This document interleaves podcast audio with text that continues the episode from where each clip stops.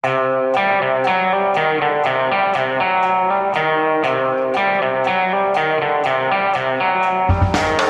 andre smittebølgen rammer nå Europa for alvor, og land etter land stenges ned i påvente av en svært etterlengta vaksine.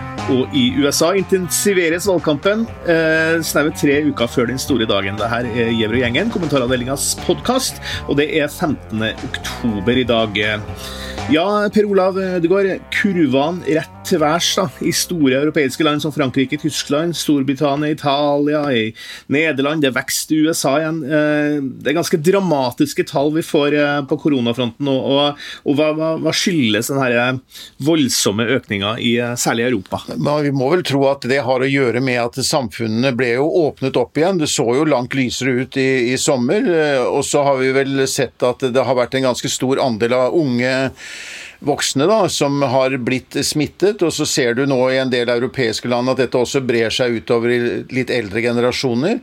Um, og uh, det er jo det er jo den andre store bølgen som rammer Europa nå. Eh, og for andre gang så må mange land stenge ned. Eh, og når det var en del forståelse for det Det var stor, bred forståelse for det første gangen, så er det klart det er enda mer krevende å skulle stenge ned på nytt.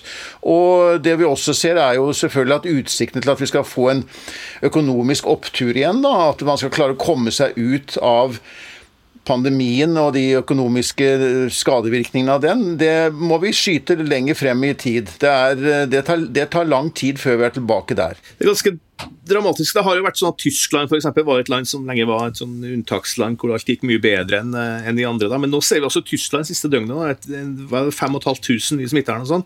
Uh, de har heller ikke klart å stå imot den nye bølgen, ser det ut som?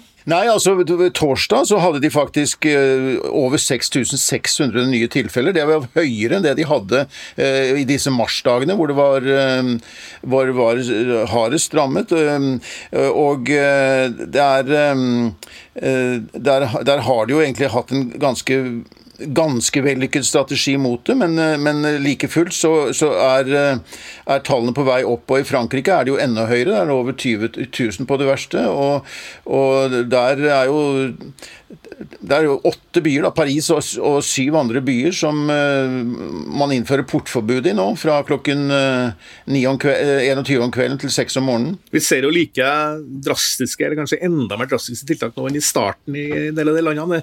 Uh, andre bølgen har vi jo hørt om hele tida. Altså, I Frankrike nå så ser vi at hva, hva vi hørte om i går, var at det var politirazzia mot helseministeren for de skulle sjekke ut noen søksmål mot, mot hvordan myndighetene har eh, håndtert av koronaen i Frankrike. Altså, det, det, er jo, det, er jo, Vi har jo snakka med det så mange ganger før at vi sitter i en sånn surrealistisk tid at vi skjønner nesten ikke hva som foregår, men, men det, er, det, er, veldig dramatisk å se når det, som foregår eh, nedover i Europa i dag. Det er jo vårt kjære Europa, det her, Per Olav. Ja, det er veldig trist. Eh, og dette blir jo et hovedtema nå når EUs e regjeringssjefer i dag, nå i ettermiddag så møtes de, og i dag og i morgen skal de da ha toppmøte i Brussel. Og en av Hovedsakene der er å gjøre opp status på smittesituasjonen i Europa og se hvordan de skal koordinere tiltak og se hvordan de skal eh, eh, sørge for en god fordeling av disse vaksinene når det da forhåpentligvis kommer. Jo før, jo bedre, vil jeg si. Eh, fordi eh, dette, vil, eh, dette, dette, får veldig omkostninger altså både i liv og helse i Europa. Men, eh, for du ser at nå begynner også helsevesenet å få problemer igjen i flere europeiske land. Eh, men for, og de skadevirkningene på økonomien er jo eh, voldsomme. og nå, I dag så ser du børsene faller i Europa. Eh, og du ser at liksom den lille optimismen som var om at man kunne begynne en gradvis ja, både gjenåpning og at økonomien kunne komme tilbake, det, det, det er det nå.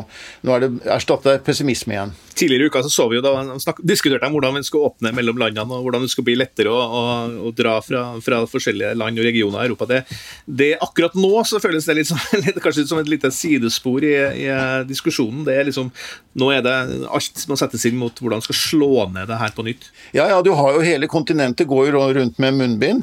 Eh, I Praha så stenger de skolene. I Portugal så erklærer de eh, unntakstilstand i to uker. Så nå er det virkelig alvor igjen Olsen. Det snakkes jo også om at uh, flere reportasjer det, Nå kommer det jo som nyheter, og det er så mange teorier, men det sies nå i hvert fall at det finnes en mutert utgave av det viruset. Da, og, og, at det gjør at viruset også, nå faktisk er mer smittsomt enn noensinne. Uh, når vi, vi, skal jo kanskje ikke drive og spå så mye om framtida. Alle gleder jo seg som små barn til vi får en vaksine mot det her. Men når tror du vi kan se en åpning igjen i Europa? Når, når kan vi reise på ferie til Italia igjen, Per Olav? Jeg håper neste sommer. Ehm, jeg håper, og det er vel en viss grunn til å tro, at man kan begynne med å vaksinere folk i vinter. Altså kanskje rundt nyttårstider og sånn. Da er det bare enkelte grupper kanskje i første omgang, men at dette kan rulles ut i større befolkninger etter hvert. Eh, vi vet at denne, her tida, denne perioden går over. Eh, det er men nå Det er nok en, fortsatt en periode vi er inne i nå, da, hvor det krever at man må ta disse tiltakene alvorlig. For å for, for selv om situasjonen i Norge er bedre enn nær sagt i alle europeiske land, så vet vi veldig godt at vi ikke er immune, og at vi er nødt til å holde på de der eh, reglene som eh, vi har repetert så mange ganger de siste månedene. Det er eneste måten å holde, å, å holde ut inntil vi har en vaksine som mange kan få. Det er det som er eneste løsninga. Vi kan kanskje ikke lulle oss inn i en forestilling om at vi i Norge er helt upåvirka av det andre. Det, Nei, det er, ikke sant? Det, det, som skjer, Oslo er jo en storby, og vi ser det samme skjer i storbyene rundt omkring i Europa. Ja, du, og, og, Vårt nærmeste land, vårt nærmeste naboland, Sverige, der er uh, også en ganske så bekymringsfull utvikling der. Det, det snakket jo statsminister Löfven om så sent som i dag, at nå går utviklingen i, i feil retning hos oss.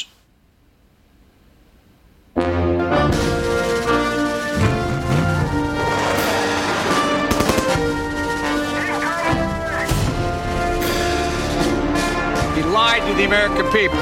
Joe Biden is a weak person. Ja, eh, Per Olav vi sitter jo på eh, hvert vårt hjemmekontor. Eh, og så har vi med deg Hannes Skartveit fra et slags hotellrom, kanskje. vi ser. Du er borte i USA, i hvert fall. Ja. Og først kan jeg bare spørre deg, Olav, hvor er du hen? Akkurat nå er jeg i Betesta, rett utenfor Washington DC, Maryland State. Eh, jeg reiser snart til Philadelphia, hvor Joe Biden skal ha town hall meeting på TV-kanalen ABC i kveld. Eh, hvordan er smittesituasjonen der? Veldig stigende her, også stor bekymring. Eh, og Eh, Anthony Fauci, som er liksom smittegeneralen i USA, han var ute i går og advarte mot eh, bl.a. thanksgiving og de store festene, de store familiesamlingene. De sier nå at det er jo i familiesettinger det er mest smitte. Så det kan tyde på at eh, amerikanerne rett og slett ikke får feiret thanksgiving og den store høytiden sammen med sine nærmeste. Iallfall ikke dersom de må fly langt. Og det, Amerikanere bor jo ofte veldig spredt, hvor barn, voksne barn bor et annet sted enn foreldrene.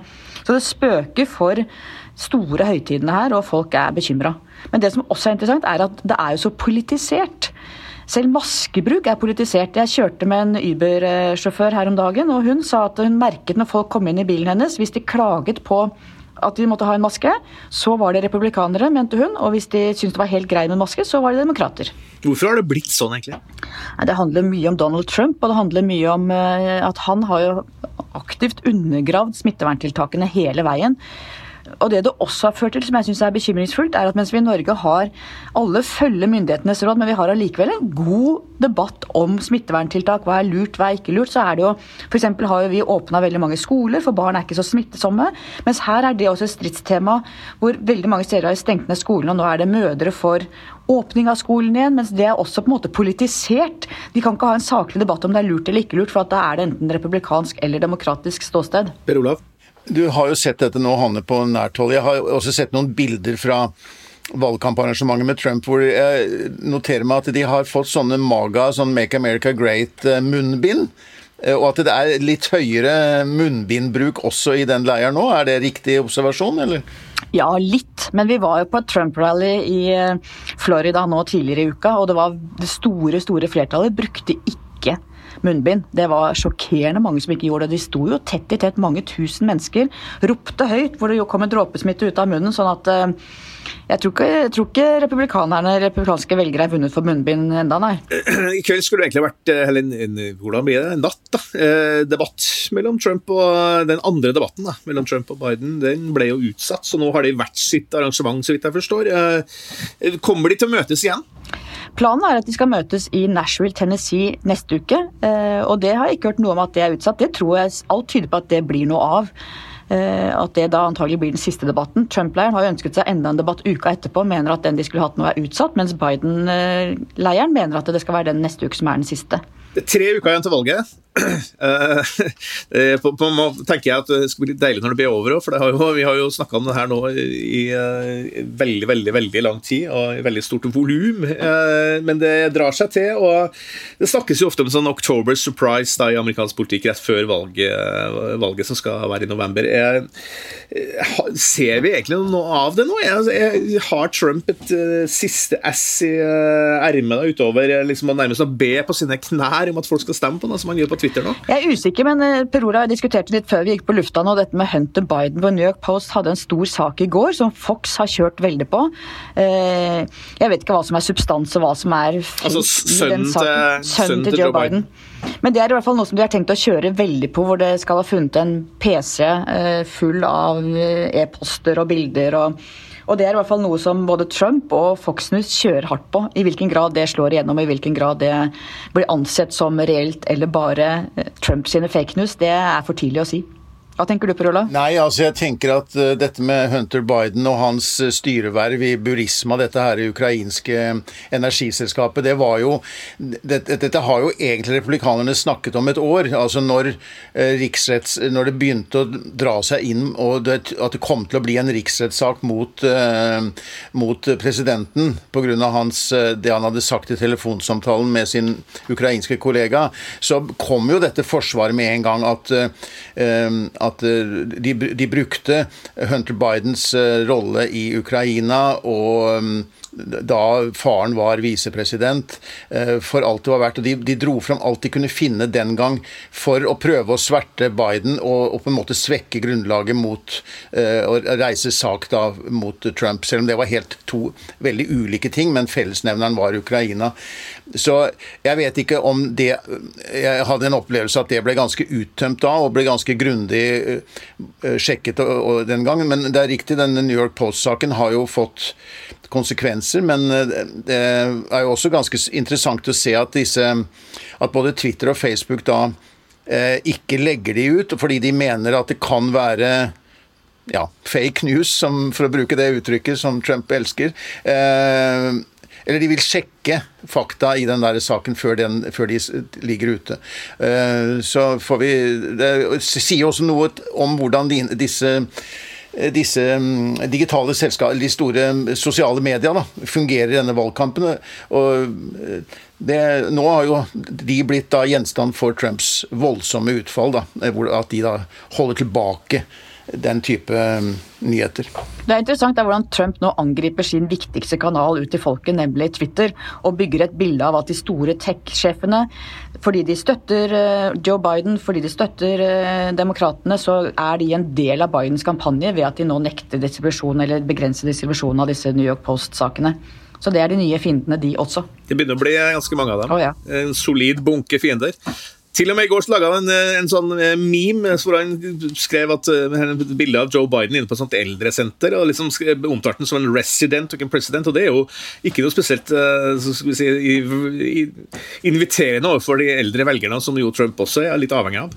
Mm. Han kaller jo Joe Biden konsekvent for Sleepy Joe. og jeg tror at det fester seg hos noen, for det er klart at Trump har et enormt energinivå.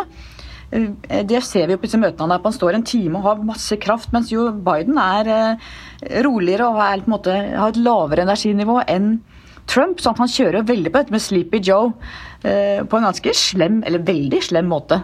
Han er jo veldig ondskapsfull president, det er ganske trygt å si. Uh, det, det. Men målingene er jo egentlig ligger veldig stabilt. da. Landsnittet nå 51-5 til Biden, 42 til Trump. da, Og Biden har forsprang i alle det som da kommer eller som ligger med de mest spennende statene her. Så, så, det virker ikke som at det, noe av det valgkampen og utviklinga har gjort noe særlig utslag, egentlig. I hvert fall ikke til Trumps fordel. Nei, men nå så jeg noe om at, eh, at det antallet som hadde forhåndsregistrert seg, eller som hadde forhåndsstemt av demokratene, var lavere i en del vippestater enn det demokratene hadde håpet på. Jeg vet ikke hva det betyr, men det er klart at Jeg tror ikke vi skal ta noe for gitt. Det er fortsatt tre uker igjen, og det er ganske lenge faktisk når det gjelder en amerikansk valgkamp. Det er veldig mye som er uforutsigelig i denne her eh, valgkampen her. Eh, mer enn vanlig, tror jeg. Og det går på hvor mange som kommer til å stemme, hvor lett det blir å stemme, eh, om stemmene blir registrert, når de blir talt opp osv. Alt dette. Men det er jo interessant at du nå reiser til Pennsylvania, som jo virkelig kanskje Det er en sånn stat som kan være med å avgjøre dette valget.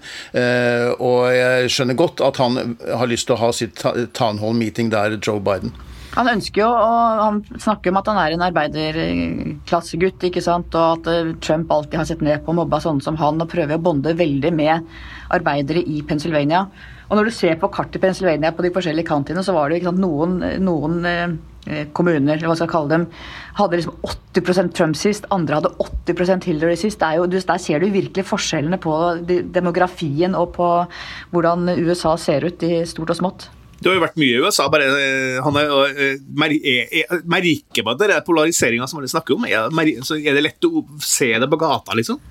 Du ser det veldig godt. Du ser det ikke så mye her, men her er jo alle Biden. Jeg snakket med et ektepar uh, i, um, nede i Florida som var uh, Trump-tilhengere. De fortalte godt voksne folk som hadde tre voksne barn, som stemte demokrater. De fortalte at de snakket knapt med barna sine og var veldig splitte, mens her oppe, hvor Eh, folk jeg kjenner her som er harde demokrater, jeg tror ikke de omgås en eneste Trump-velger. Det er veldig veldig polarisert, og mye mer polarisert enn da jeg bodde her for en del år siden. Det er det som er så merkelig å se tilbake på valgkampen, eller på det på Trumps tid. ikke sant? Alle dere, dere nidebetegnelsene på alt mulig rart. Ja, alle har fått liksom hver sin, uh, sin stygge omtale da, og sin merkelapp.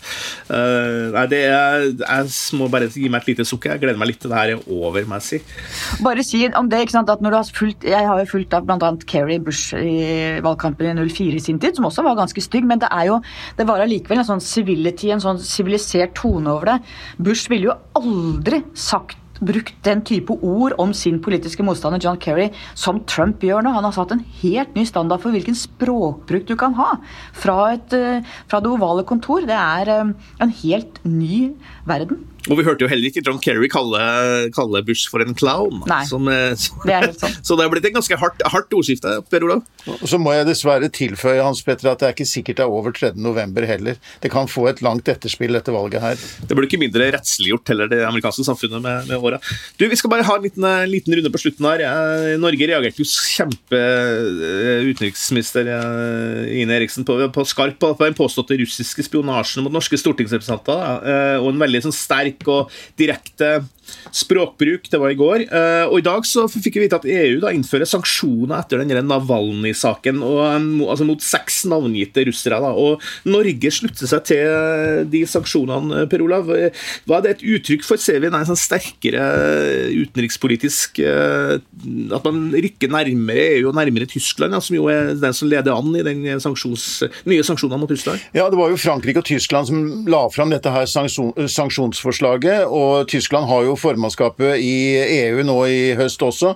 Eh, og eh, eh, det er som du sa det er interessant å se at du nå har fått hele Europa, altså hele EU, da, for å si det korrekt. Hele Europa står samlet i å legge dette ansvaret på Russland og for denne forgiftningen av Navalny, og at det skjedde med Novitsjok, som var militær nervegift. Og, og, eh, at det ikke kan ha skjedd uten at russiske myndigheter på et vis var involvert. Og at Norge henger seg på her, tror jeg også er Det, det er også eh, som følge av det, norsk utenrikspolitikk på dette området. Vi har blitt tydeligere i forhold til eh, til Russland når man ser den type eksempler. Eh, og jeg syns også det er interessant at eh, Norge legger seg veldig nær på det som er ty tysk utenrikspolitikk. Og tysk utenrikspolitikk har vært i endring. Altså Tyskland var på en måte en øh, venn av Russland på mange måter i mange år. De hadde en sånn politikk som de kalte forandring gjennom tilnærming. De håpet å påvirke Russland i en, i en, positiv retning, eh, med økonomisk utvikling, samhandel, og at man skulle bli et, et, et, fri, et mer åpent Russland. Da. Eh, men den, det har endret seg nå de siste årene, altså. Og det endret seg selvfølgelig med Russlands eh, mm, angrep og, og, og annektering av Krim, men også det cyberangrepet mot det tyske parlamentet i 2015. Som ligner litt på det vi har opplevd i Norge nå nylig? Ja, ja, nettopp. Og det at, de nå, at, de nå, at nå Navalny da ble brakt til eh, Tyskland eh, etter denne forgiftningen, og, og er der nå Angela Merkel har vært og besøkt, var og besøkte ham på sykehuset. Hun var veldig klar og tydelig når hun rettet en anklagende pekefinger mot uh, Moskva. Uh, og de har nå tatt initiativet til disse sanksjonene. Så det er en, en blitt en helt annen uh, tone da, fra Berlin, og jeg syns også vi ser det i Norge. Hva tenker du om det her, Anne? Nei, det er helt riktig at vi slutter rekkene med EU i dette spørsmålet. Åpenbart. Og tre uker igjen til valget. Eh, vi skal jo i USA, det er jo det vi er opptatt av hver dag her. Og det ser ut som du koser deg fælt eh, der du sitter, Hanne. fordi Mens vi andre da er nedlåst mer eller mindre på våre hjemmekontorer, har vært det i hva er det lenge nå? Sju måneder. Det er litt av en tid vi lever i, litt av en dramatisk tid. Eh, som sagt, fra hjemmekontoret, Per Olav Ødegaard og Hans Petter Sjøli. Eh, han skal vært fra USA, og eh, han som absolutt ikke, ikke skal innføres noen slags sanksjoner mot det er Magne Antonsen, som er vår faste produsent. Vi høres i morgen.